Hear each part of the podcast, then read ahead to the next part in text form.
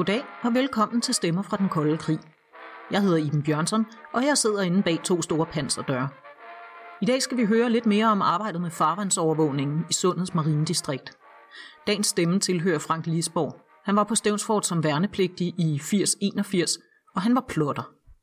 Jeg blev indkaldt som værnepligtig, da jeg var færdig med gymnasiet. Det var sommeren 80. Så havde jeg en måneds rekruttid jeg Aarhus, og så kom jeg her bagefter. Så jeg gætter på, at det har været i oktober eller september, kom jeg her. Og så var jeg her til, til jeg blev hjemsendt om efterfølgende sommer i, i 81. Jeg boede i København, så jeg tog hjem, når jeg ikke når jeg havde, når jeg havde fri dag, så tog vi bare ned. Det var jo ikke så langt. Situationen var den, at øh, man kom op og trak et nummer, og hvis det var et lavt nummer, så kom man ind, og, og hvis det var et højt nummer, så slap man. Men jeg var faktisk ikke særlig interesseret i at slippe, fordi jeg havde hørt fra min far, at det var sjovt.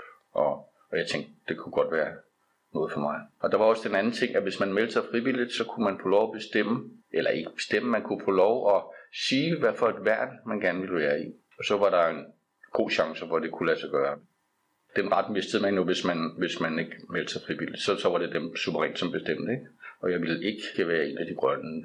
Det skulle være i, i marinen. Jeg er bare meget interesseret i, i skibe og søfart, og jeg havde også været i erhvervspraktik på en øh, korvet, som hed Tritor, som lå inde ved Holmen. Så jeg synes, det var meget interessant. Jeg havde også øh, tænkt, at jeg skulle ud og sejle, når jeg var færdig med Auderød. Det ville jeg rigtig gerne. Og så begyndte jeg at nævne det, øh, fordi man skulle ligesom sige, hvad man gerne ville, ikke? om der var noget, man havde lyst til at sige, at jeg ville meget gerne på et skib. Ja, det kunne godt blive svært. Hvad var det lige, du lavede? Jamen, jeg var student. Ja, sagde de så hvad skal vi lave med sådan en skide student på et skib? Ikke? Hvad skal han lave? Ej, de kunne bruge fisker og maskinarbejdere og elektrikere og sådan noget. Men hvad skulle en student lave? Så kunne han jo blive plotter, men øh, der var åbenbart ikke pladser, og jeg overvejede seriøst at melde mig til ubådene. Men det er jeg glad for, at jeg gjorde, for jeg har hørt nogle historier om, hvordan de behandler nye folk. Så det var jeg glad for, at jeg kom. Jeg var faktisk, efter jeg havde set, hvordan der var her, så blev jeg meget tilfreds med det. Efter rekruttiden i Auderød kom Frank på radarskole i Frederikshavn. Så havde vi, jeg tror det var en uge, hvor vi kom til Frederikshavn. De har sådan en øh, reserveofficers- og sergeantskole. Der kom vi op og lærte noget om radar og snakke i radio også lidt og sådan noget. Det var alle dem, som skulle være plotter, komme med på det hold der. Det var ligesom sådan en klasse, jeg kan ikke huske, hvor mange det var der, der var en teknisk dimension i det, hvor tror jeg, man fik lidt at vide om den elektroniske, men det gik lidt overhovedet på mig, fordi jeg er ikke særlig dygtig med sådan nogle ting. Og så havde vi noget, jeg synes, vi jeg kan huske noget, men vi havde lært om forskellige skibstyper og klasser, og der var whiskyklassen og, og golfklassen med ubådene, og det var Sovjet, og der var deres overfladeskibe, der havde de sådan nogle og sådan nogle og også ikke kun russerne, men også polakkerne og østtyskerne, ikke? Og, og det er sådan lidt fjernkending. Vi kiggede på sådan nogle silhuetter, men det brugte vi jo ikke særlig meget. Vi så dem jo aldrig øjnene. Jeg kan, jeg kan mest huske fra Frederikshavn, at det som skete uden for skolen. Jeg tror, de lokale værtshus må have haft nogle problemer med de der folk, fordi det var i hvert fald ikke særlig venligt. Jeg kan huske, at vi gik ind på, på en bar, mig og ham der Jan, og så sagde vi, vi, vi ville gerne have to hof. Så, så kiggede de lidt på os, så lænede sig sådan hen over det, og sagde, ved du hvad du kan få, du? Du kan få nogen på ørerne, hvis du ikke går. sådan en københavner snuder det, ikke? Nej, det sagde ja. ikke, det var, men det var det, jeg mente, det var, fordi vi havde den accent. Ja, men så gik vi, så fandt vi et andet sted at drikke øl. Men tilbage til Franks tjeneste som plotter. Sidst hørte vi jo fra Bjørn, som var plotleder, om hvordan man plottede de forskellige skibes positioner ind på det her store kort på plotterbordet. Jeg lader lige Frank forklare, hvordan det helt konkret foregik. Jeg var plotter, hvad er det? Det er en person, som øh, betjener sig af en, en radar og kigger på ekoer, og så skulle man øh, finde de østmagtskibe, som passerede igennem farvandet. Og så blev de plottet ind på et, øh, et stort glasbord med et kort nedenunder. Så skrev vi med sådan nogle fedttusser, øh, så fik de et nummer. Og skibe fra Varsava-pakten, de fik også et helt særligt navn. De hedder skunks, sådan nogen skunks, altså det engelske ord for stinkdyr. Sådan en skunk, den blev forsynet med sin egen kode, som blev brugt til at identificere den, når man fulgte den videre. Og indtil man byggede fortets nye O-rum i midten af 80'erne, så var arbejdsproceduren, som Frank beskriver, og som vi også hørte om i sidste afsnit, relativt manuel. Altså fra at lokalisere skibene på skærmen, plottede man dem simpelthen ind på det her store kort, plotterbordet, i hånden, ved hjælp af tusser, som kunne viskes hurtigt ud igen på glasoverfladen. Og så fik den skunk, og så hed den Shara 310 for eksempel. Shara, det, det var øh, Sundheds Marinedistrikts kode. Og så fik den det nummer, som, som, øh, som var det næste rækken. Ikke? De blev kørt på kortet, og så fulgte vi med dem. Og så, øh, når de så forlod øh, området, hvis de nu sejlede mod syd, så, så fik, gav vi dem videre til øh, Marinestation Øen, eller hvis de sejlede nordpå, så var det med Dragør, som fik dem. Så sagde vi, du skal ikke, nu kommer der en, og den ligger i pejling, øh, hvad skal vi sige, 185, øh, og det er 12 mil ude. Så fandt de den, og så blev vi enige om, at det var den rigtige, vi snakkede om, og så, så tog de den videre og sejlede videre med den. Det gamle plotterbord fra Stævnsforts gamle orum, det står forresten i dag udstillet på Koldkrigsmuseum Langelandsfort.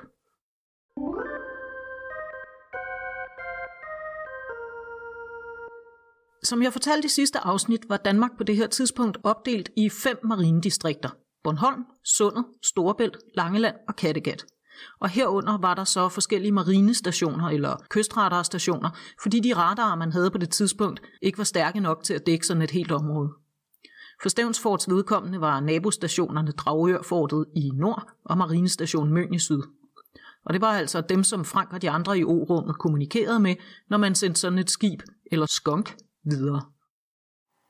Så I kommunikerede med andre kystbevogtningsstationer? Ja, det gjorde vi. Dem, der lå nord for og syd for. Det var ikke så tit, vi snakkede med, med Kattegat for eksempel, fordi vores øh, radar overlappede jo ikke. De kunne faktisk ikke se særlig langt, de der radarer. Øh, vi, vi benyttede os meget af fyrmanden, når der var noget.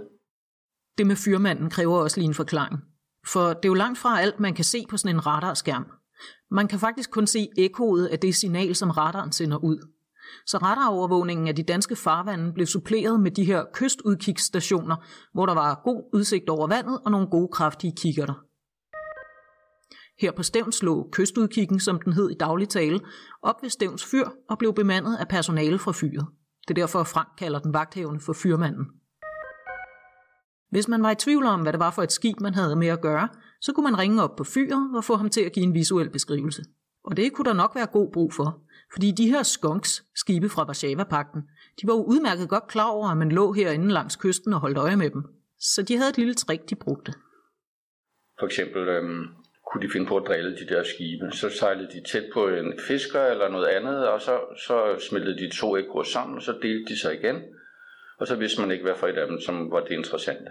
Og så kunne man øh, nogle gange få fyrmanden til at se det øh, i sin kikkert. Så kunne man sige, at ja, det er den, der ligger nordligt nu, som, øh, som vi skal tage fat i. Og vi gik ikke så tit ud i revegangen og kiggede ud. Det, var, det tror jeg faktisk kun, vi har gjort to gange eller sådan noget. Jeg ved ikke, om I kan huske, at Bjørn faktisk også nævnte det her i sidste afsnit.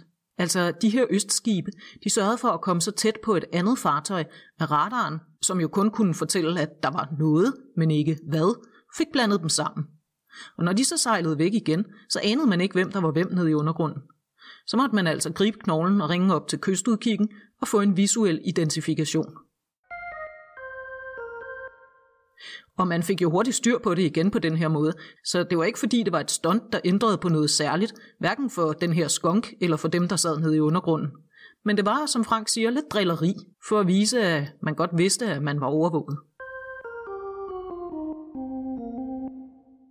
Alle de her oplysninger, som Frank og resten af holdet samlede ind, de skulle også videre i systemet. De øvrige marinedistrikter skulle vide, hvad der foregik, og så skulle trådene samles hos Søværnets operative kommando, SOK. Det var sådan en cyklus, hvor man hele tiden øh, delte information med de andre. Der var, ja, der var, der var SOK, og så var der de fem marine distrikter. Så, så vi, fik, øh, vi fik ligesom taletid øh, to gange fem minutter om i timen. Og det stoppede aldrig, den der cyklus, den kørte altid, øh, hver dag, døgnet rundt. Og vi sendte øh, informationen ved hjælp af sådan en øh, hulstrimmel. Der var meget at holde styr på. De skulle alle de der nye skibe, de, skulle, de blev skrevet ind med sådan en slags øh, elektrisk skrivemaskine, som mm-hmm. vi mhm. sad på, klapper løs på. Så skulle vi have det parat, den nye opdatering, og så, så når det blev vores tur til at sende, så fodrede vi, øh, jeg ved ikke engang, hvad sådan en hedder. Telexmaskinen? Ja, Telexen, ja, det er da det, den hedder, ja. Så fodrede vi den med den der lange strimmel.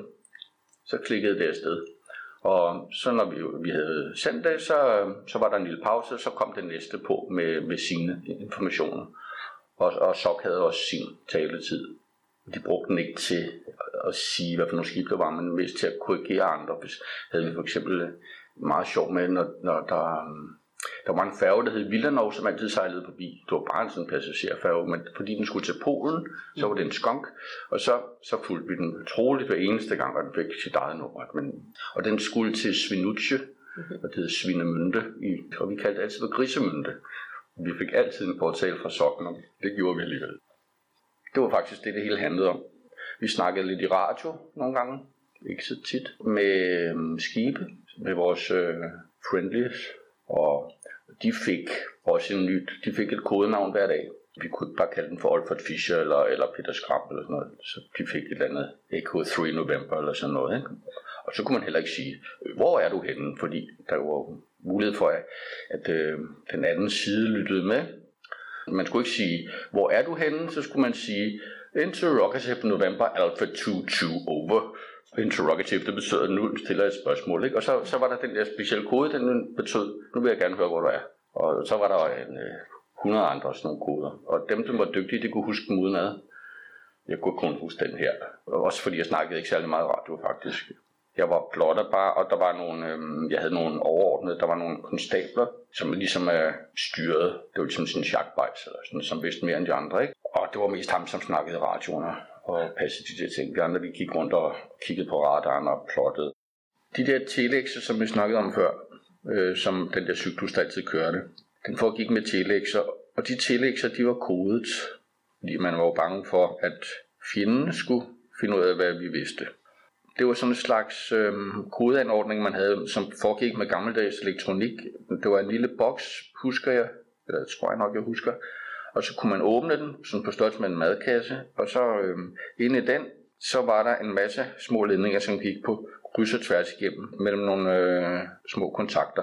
Lidt ligesom når man ser en øh, gammeldags omstillingsspor. Ja. Så øh, hver dag, en gang i døgnet, tror jeg det var, så ham, der sad i radiorummet, en overkonstabel, han, øh, han strikkede, det betød, at han omfordelte ledningerne mellem de der punkter, og det gjorde de synkront i hele landet. Og det var kun, når man havde de samme punkter forbundet med de samme ledninger, og det var synkroniseret, så kunne man høre, hvad de andre sagde. Hvis man ikke kendte den kombination, så kunne man heller ikke få del i informationerne. Jeg tror, det var radiorummet. Når man gik ind i rummet, så var der et lille rum på venstre hånd. Og der sad han? Ja, og øh, passede sig selv og sine ting derinde, og vi andre skulle ikke. Han kom nogle gange ud for at spille kort, når der var stille og roligt. Var der meget skibstrafik at holde øje med, eller nu, nu sagde du lige, at der var nogle gange, der ikke skete så meget. Var der... Ja, det var lidt op og ned. Jeg synes, jeg kan huske, at der var nogle perioder, hvor man havde det meget, meget stille og roligt. Sådan nogle situationer brugte jeg meget på at, at gå ud til det lille tekøkken, der var uden for rummet, og så, så havde jeg krydderboller med, og så ristede jeg krydderboller og, og drak kaffe. Det var faktisk meget fint jeg kan ikke huske konkret, hvor mange skibe, der er sejlet igennem, men, men det var heller ikke alt sammen, vi var interesseret i. Det var jo kun det der skunk, ikke, som vi kiggede på. Hvordan bestemte I det, når I nu så på radaren, der er noget på vej ind? Hvordan bestemte I så, om det var en skunk eller en, det ved jeg ikke, en fisker? Ja, altså, mange gange dem, som vi kiggede på, det var nogle, vi fik overleveret fra, fra Møn eller fra, mm. fra Dragør, ikke? Og vi fandt også nogle gange nogen selv. Øh, og så snakkede vi med fyrmanden. Hvis det var en fisker, så kunne man tit se det på den måde, den sejlede på. Så ligger de og flakker lidt rundt og ud og se til nogle garn og sådan noget. Eller ikke? Så de, de opfører sig anderledes. Og det var også civile skibe, vi kiggede på. Ikke kun krigsskibe. Der var en enkelt gang, hvor vi havde en ubåd. Det var lidt sjovt. Men den forsvandt selvfølgelig, den dykkede jo. Øh, jeg tror, det var fyrmanden, som fangede den og så den. Og så sagde han, at vi skulle, vi skulle kigge. Men den, det, det var meget lille ekko, ikke? fordi det var kun tårnet, som stikker op. Men altså, når du er altså sådan en, han, han bestemt på et russisk whisky-klasse ubåd. Ja, med til den, der, ja, der sejlede op. Rock, der, ja, ja, nemlig. Præcis. ja. Men så kiggede vi på den, og så, øhm, jeg ved ikke hvorfor den var kommet op, fordi den var kun oppe i, i fem minutter, så dykkede den igen. Vi havde jo ikke noget sonarudstyr eller Okay, så det var kun en overflade skibe, I kunne spore ja, ja, hos ja, det var det, ja. Okay. ja det var, vi havde kun den der luftradaren, ikke? Overflader. En whiskyklasse ubåd. Det var sådan en, der gik på grund langt inde i den svenske skærgård, kun to kilometer fra flådebasen i Karlskrona. Det var faktisk også i 1981. Kaptajnen af ubåden undskyldte krænkelsen af de svenske farvande med, at navigationsudstyret var gået i stykker. Det var der naturligvis ingen, som troede på. Men fordi ubåden lå der på klipperne, så blev hændelsen kendt som Whiskey on the Rocks.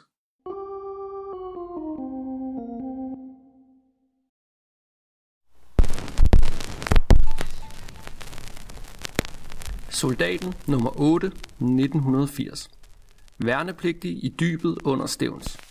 Man føler sig hensat til en science fiction film af de ældre. Lange, underjordiske gange med fugten drivende ned ad væggene og en tåge, som man ikke kan se fra den ene ende til den anden. Langt ude findes det allerhelligste, O-rummet, hvorfra skibstrafikken overvåges og følges. Plottefolkene befinder sig uafbrudt i de underjordiske huler, mens artilleristerne kun ved betjening af de dobbeltløbede 150 mm kanontårne kommer i dybet. I orummet er plottegast Hans Merser i færd med at indtegne et Warszawa-pagt fartøj på det store søkort. Efter 8 måneder er det for længst blevet rutine, og indimellem er der rigelig tid til læsning. Kun plotlederen er hele tiden travlt optaget. Han sørger for tillægsmeddelelserne til de rette myndigheder, f.eks. SOK i Aarhus, og er i telefonisk kontakt med nabostationerne. Stævnsfortet er central for Sundets Marine Distrikt, og det fører automatisk en lang række ekstra opgaver med sig. Ikke bare under de daglige observationer af trafikken gennem Øresund og Østersøen, men også under f.eks. eftersøgninger og haverier. Men der skete også noget afgørende på Stævnsfort i den periode, hvor Frank gjorde tjeneste. Det var nemlig da, at de to store kanoner blev lagt i mølpose, som det hed. Og det betød, at alle de værnepligtige artillerister pludselig forsvandt. Og så blev der lidt mere stille. Der var ikke så meget at lave op øh, på kasernområdet. Ja, i starten var der, fordi der havde vi også artilleristerne. De, man bestemte sig for, at, at det var ikke øh, interessant at have artilleri mere. Og der blev det markant kedeligere at være her.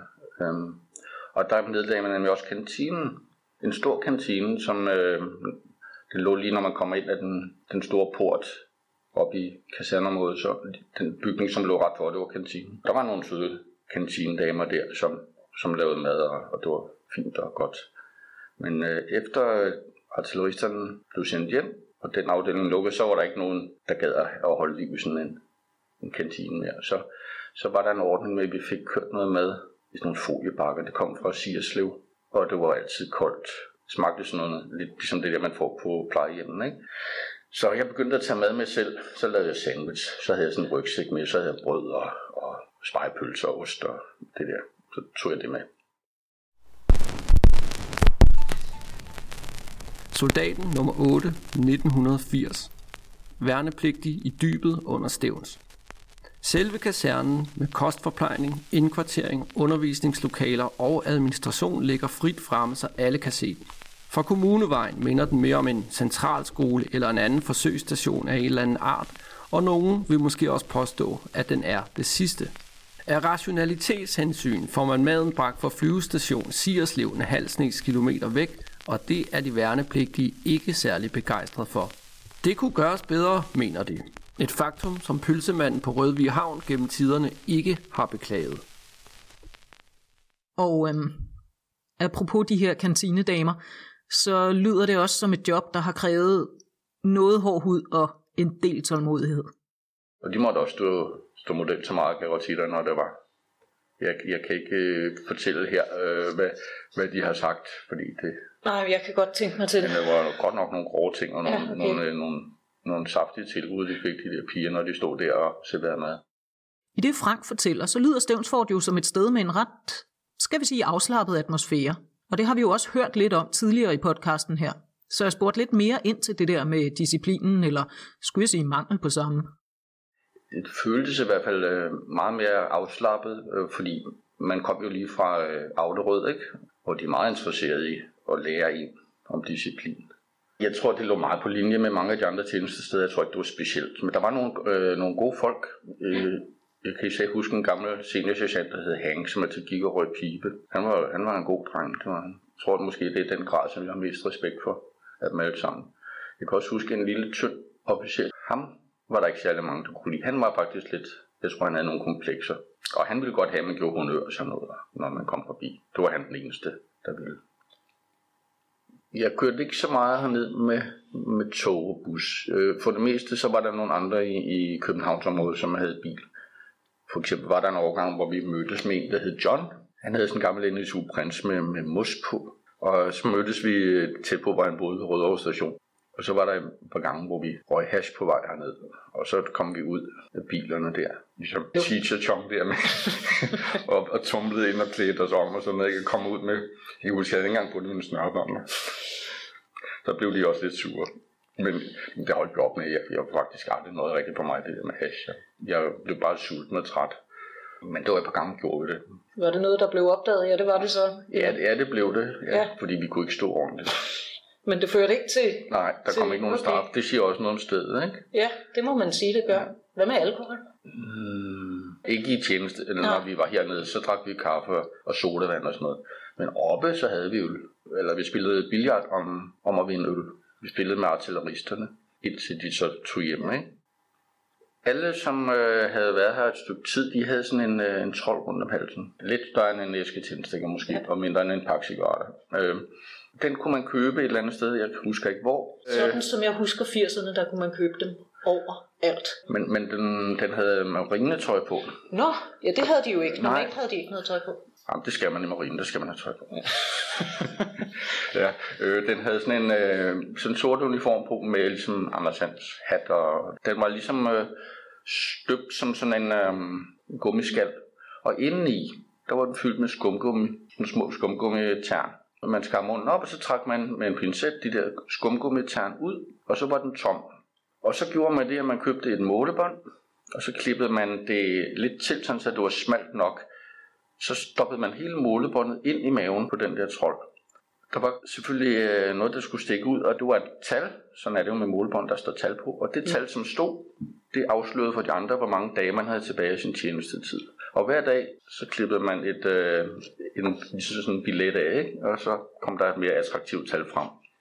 Men du kan se, man, man, fordi man kunne ikke få målebånd, som har, har 360 Nej, det øh, nummer, så, sådan, så det gav sig selv, hvornår man kunne få en. Det var, når der var 100 dage tilbage, så kunne man starte. Ikke? Og den havde alle sammen. Så hang det sådan en kæde. Man gav den et hul i hvert øre, ikke? så hang den imellem. Og det var meget attraktivt at have sådan en.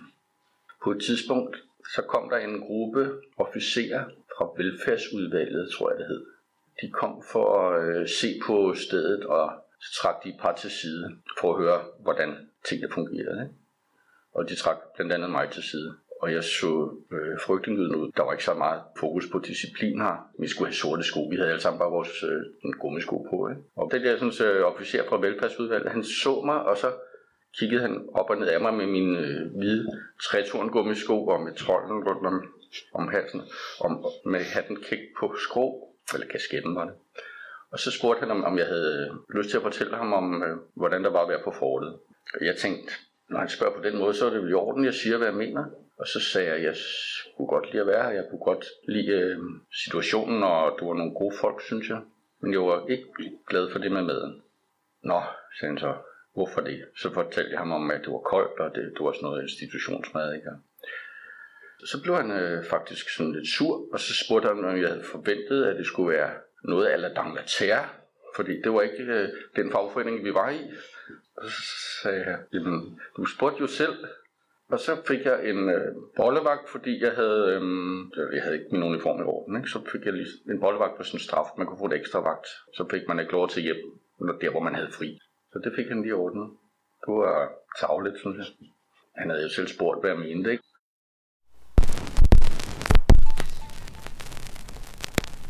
Soldaten nummer 8, 1980.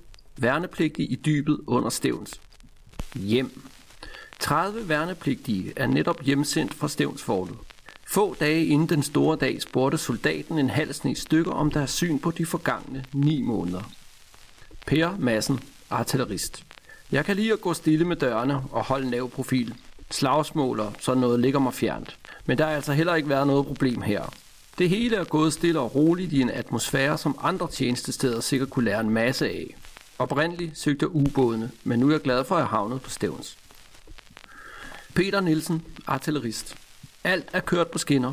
Først og fremmest på grund af et glimrende kammeratskab og nogle medgørlige befalingsmænd, som har forstået at afvikle tingene på en fornuftig måde. Jeg søgte søværnet, og selvom jeg ikke kom ud at sejle, er jeg absolut ikke skuffet. Tværtimod.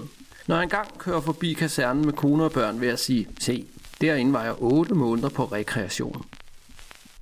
Ivan Christensen, artillerist, ville gerne have været ud og sejle, men okay, man skulle være dum svin, hvis man klagede over forholdene på Stævnsfort. Bortset fra en del spildtid og kedelige stunder, har det været behagelige måneder i godt selskab. Peter Christensen, artillerist, som mange andre håbede på at komme ud og sejle, da jeg valgte søværnet. Men bortset fra en endagstur med en minelægger, er det ikke blevet til mere. Til gengæld har hele tiden på Stævns været virkelig morsom. Ligefrem forestille sig, at man skulle være forberedt på at gå i krig er i svært. Og ja, apropos det her med at forestille sig at gå i krig. Jeg spurgte også Frank, om de egentlig tænkte over den store politiske sammenhæng, de indgik i og var en del af. Og han svarede, at de var sådan set bevidste om det, men nogle gange så kunne det også virke som om, at det var noget, man bare legede, eller noget fra en film. Det var jo en arbejdsplads, Ja. men også en arbejdsplads, som er opstået på baggrund af nogle ret dramatiske omstændigheder. Ja, det vidste vi godt, og det var vi også bevidste om. Vi kommer også lige fra gymnasiet, hvor øh, man meget diskuterede politik. Jeg var samfundssproglig. Og jeg var meget interesseret i politik, og jeg var venstreorienteret dengang. Dog ikke helt latterligt meget, men, men øh, sådan, med nogle tilbøjeligheder. Og det var der mange af dem, af de andre, som ikke var. Jeg kan huske en, som øh, i en fortrolig stund for, øh, sagde til mig, at han, han ville jo nok tage en brun skjorte på. Vil du det? sagde jeg så. Ja, ja. Så var jeg ikke så glad for ham mere bagefter. Det er måske også lidt voldsomt. Ja, det var det lidt voldsomt, ikke? men ellers så var de fleste, det var nogle, det var nogle håndværkere, som holdt med Socialdemokraterne eller sådan noget. og De kendte godt den udenrigspolitiske situation, og de vidste godt, at, at Sovjetunionen var farlig. Og, og der var DDR, som heller ikke var så sympatisk. Jeg havde også været i Østland på Interrail, så jeg vidste godt, det var ikke det samfund, som jeg havde lyst til at bo i.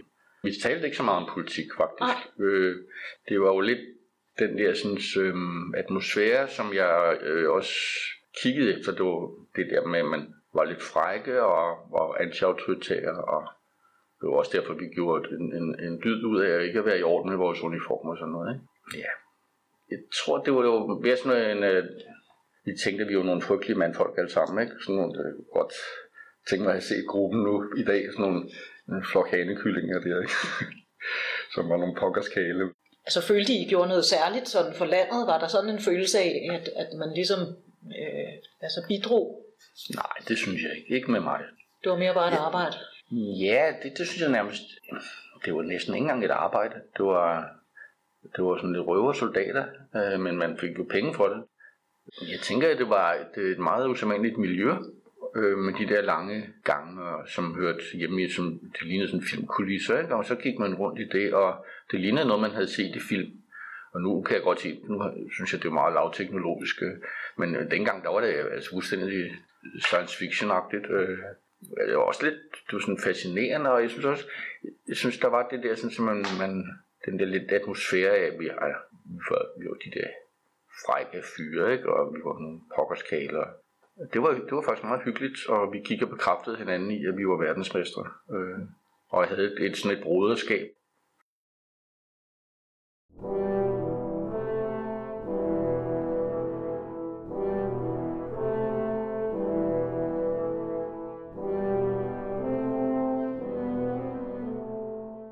Stemmer fra den kolde krig er lavet af mig, Iben Bjørnsson, og har været muligt takket være gavmilde donationer fra Forsvarsministeriet og Bodil Pedersen Fonden.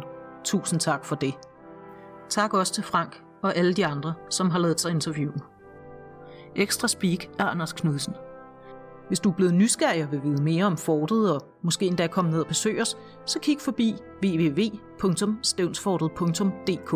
Vi har åbent fra 1. april til 31. oktober og for grupper i vinterhalvåret. Hvis du gerne vil have flere personlige beretninger, så anbefaler jeg bogen Stævnsfort som arbejdsplads, som kan købes i vores museumsbutik eller online, hvis du skriver til stævnsfort oesm.dk. Her kan du også købe bogen i Padehattens skygge, som giver en fantastisk oversigt over fortets opbygning, indretning og tekniske detaljer. Stemmer fra den kolde krig er baseret på personlige erindringer, og det er ikke dem alle, vi har haft mulighed for at faktatjekke. Musikken var Onkel Sammys March med The Edison Military Band, Moonwalk 69 med Lobo Loco og Pramdragernes sang ved Volga fremført af Kevin MacLeod. Tak fordi du lyttede med. Vi ses på fortet.